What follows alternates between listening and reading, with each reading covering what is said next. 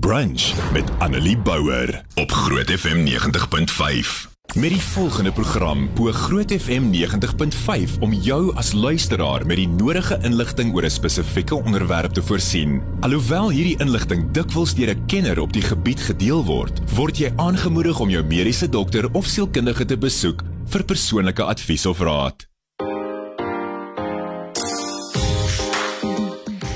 Vandag het ek vir Elna Verhoef in die ateljee. Sy is 'n spraakterapeut sowel as 'n disleksiekenner. Is ek gesê ek het reg? Ja, ja nee, dit klink vir my heeltemal. Klink dit vir jou heeltemal? Ek is bly. Ja. So, ons gaan so 'n bietjie gesels oor disleksie spesifiek vandag iets wat ek weet baie kinders spesifiek raak en ouers oor bekommerd is, maar daar is ook wel heelwat volwassenes wat dit het. So ek dink om mee af te skop Elna, kom ons praat net vinnig, wat is disleksie sodat almal op dieselfde bladsy is?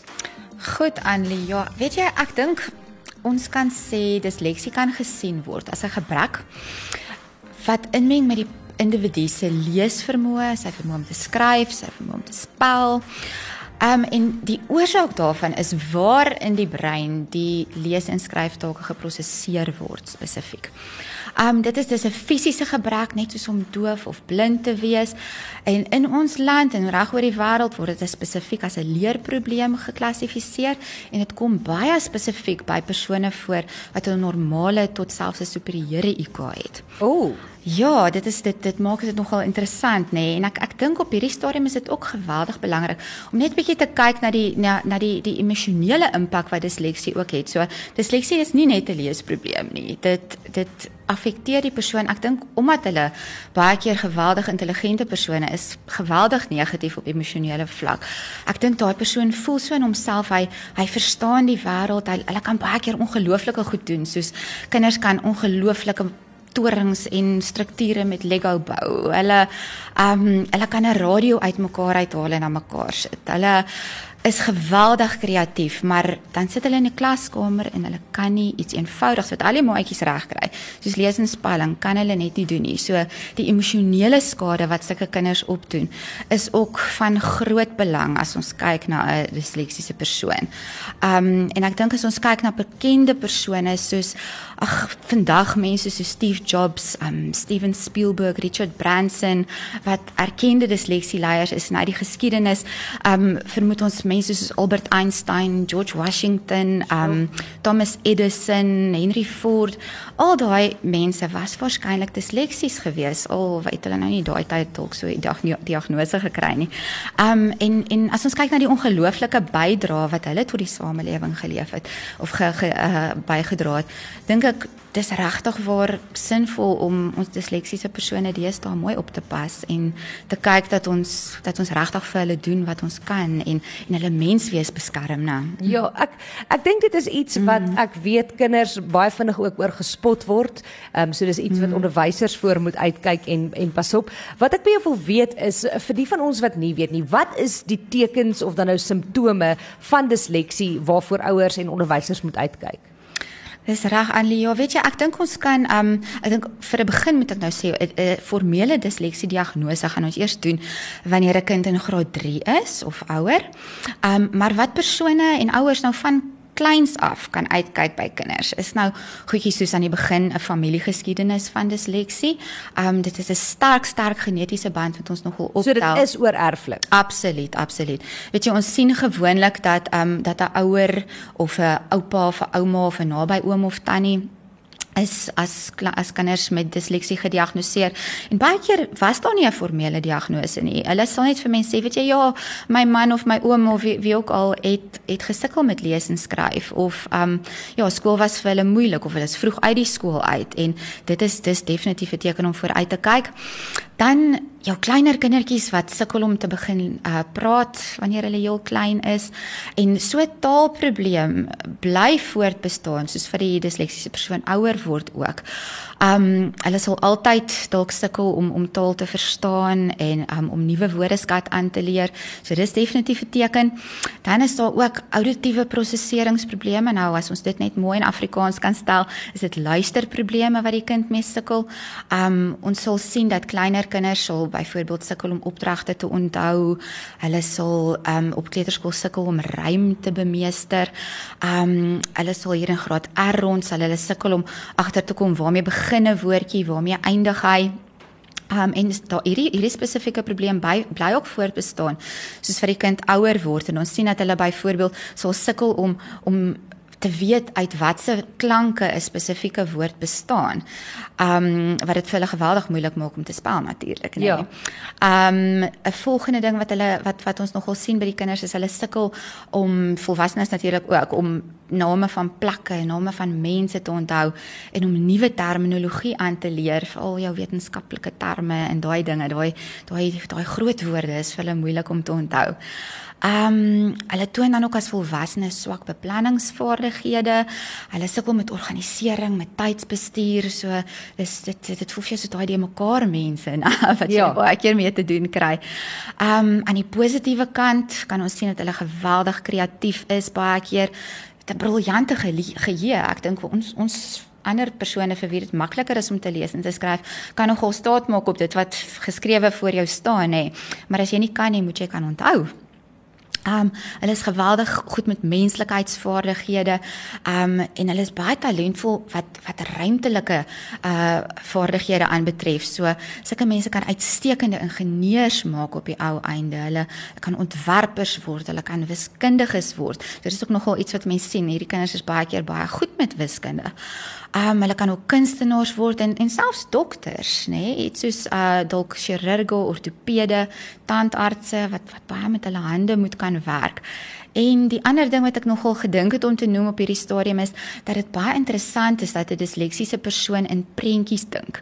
Um as ons byvoorbeeld aan 'n woord dink, gaan jy baie keer die geskrewe woord vir jou sien as jy dit in jou in jou gedagtes moet sien, maar 'n disleksiese persoon dink in prentjies. Um en dit maak dit baie keer dat hulle denkproses baie vinniger as ons ander mense uh is is so hulle is hulle is vinnig om op 'n oplossing te kom en um en die oplossing waarop hulle kom baie keer is is baie anders as wat ons sou sou dink nê nee? um ja. iets iemand soos Richard Branson het byvoorbeeld gesê dat hy dink sy disleksie het hom het hom gehelp om Virgin Active want hy en, moes en, hy moes op 'n ander ja, manier leer dink om om gedoen te kry wat hy moet doen Verseker. dit is ongelooflik mm. uh, belangrik natuurlik mm. om disleksie te laat diagnoseer. Hoe word dit gediagnoseer?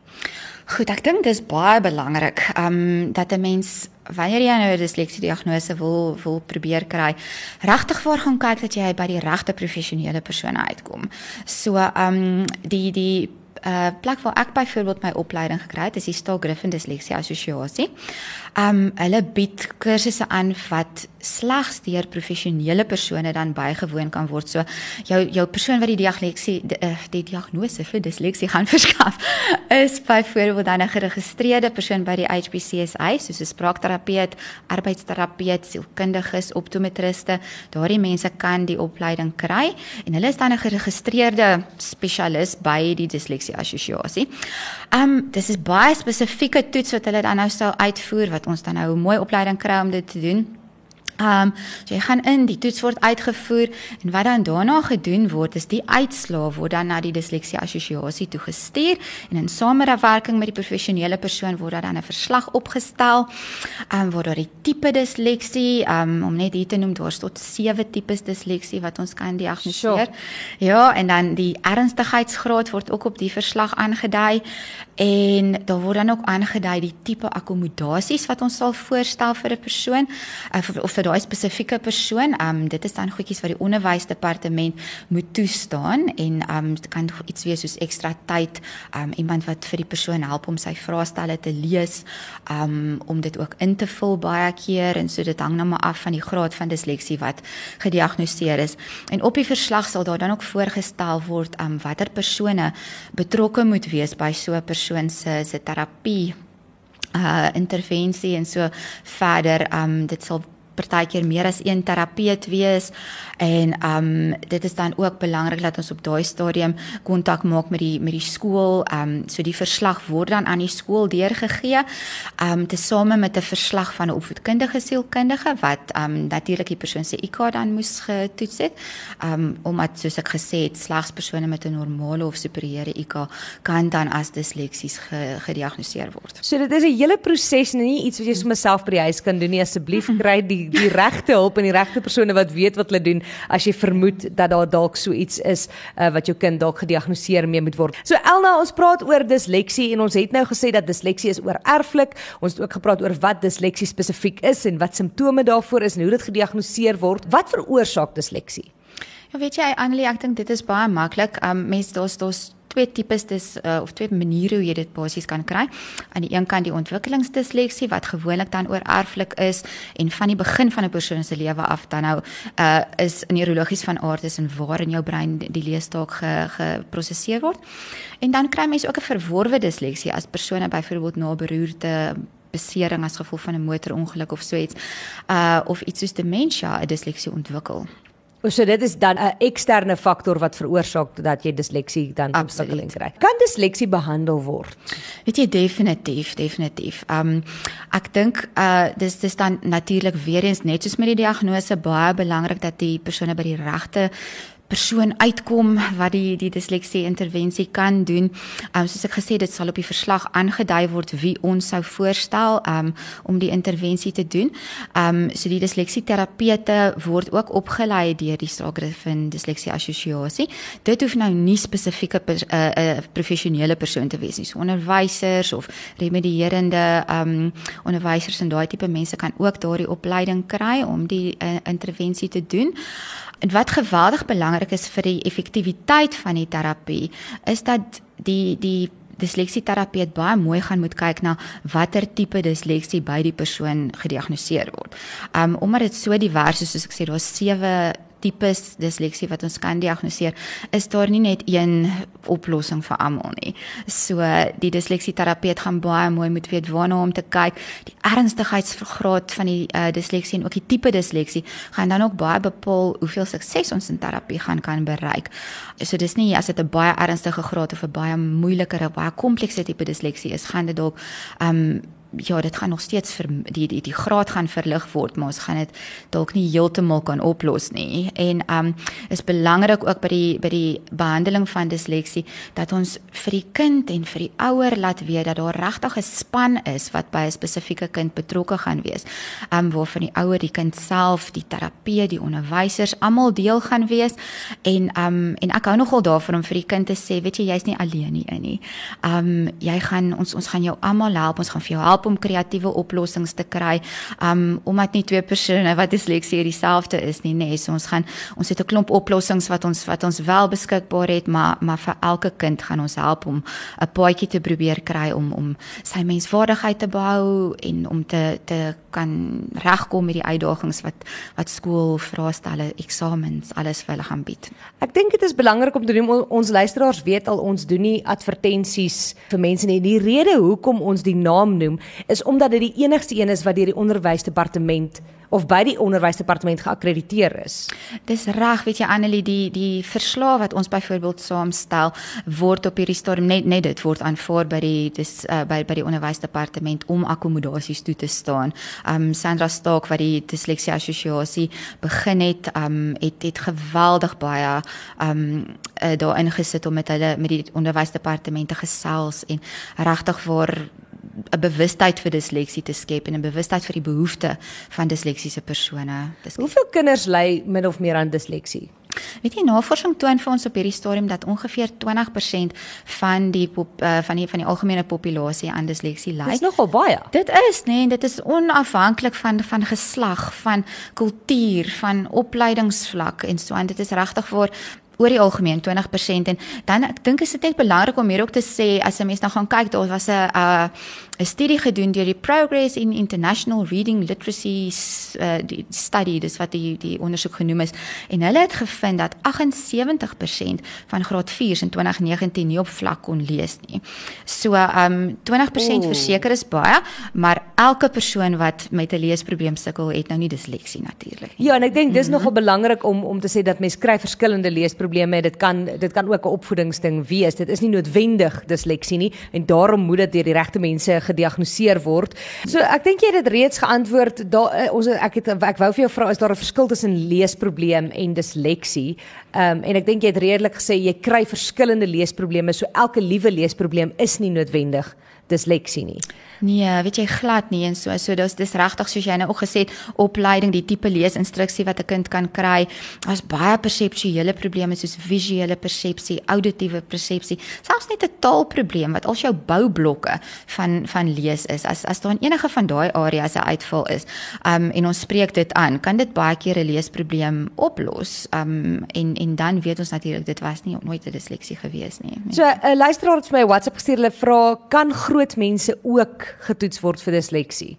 Ja, weet jy definitief. Um as as 'n mens nou ek baie keer kry ons dat 'n kind gediagnoseer word met disleksie en dan sê die ouers vir ons, weet jy maar, alles wat ons nou bespreek is goed wat ek ook ervaar het as kind en definitief daar is om die waarheid te sê nou onlangs 'n uh, disleksie uh, toets spesifiek vir volwassenes nou ook um bekend gestel so um maar ons kon natuurlik van tevore ook so so definitief ja. Ek het 'n lekker boodskap gekry van 'n luisteraar af hier wat sê disleksie word gereeld gesien as negatief, maar ek sien dit as 'n gawe. Uh, so hy hy of sy het dan nou disleksie sê my brein kan 'n onderwerp vat en die en dit uitmekaar haal en van alle kante af bekyk.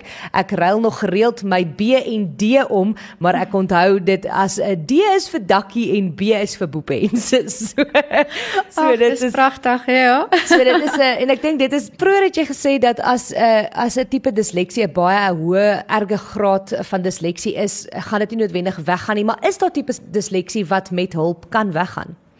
Ehm um, weet jy omdat ons nou sê spesifiek dat disleksie is 'n 'n neurologiese probleem, so dit is in die brein waar die lees en skryf dalk anders geprosesseer word. Ehm um, waar ons uh, persone wat wat normaal kan lees as ek dit so kan stel, ehm um, meer as een area in die brein byvoorbeeld gebruik om om 'n leestaak te prosesseer, gaan 'n disleksiese persoon dit alles op een area in die brein probeer fokus en daai daai prosesering gaan altyd so bly. Ehm um, ons kan die graad van disleksie verminder minder en ons kan die persoon help om baie beter daarmee te kan oor die weg kom en baie hulp in plek stel maar maar nee inherënt gaan die persoon altyd disleksies bly Maar natuurlik is daar hulp en maniere um, wat jy kan aanleer of dat jou kind dan kan aanleer om daarmee saam te leef en om dit vir hulle makliker en beter te maak. So dan vra mense dan nou ook hierso, as jy syfers omruil, is dit kan dit ook 'n tipe van disleksie wees of is dit net letters?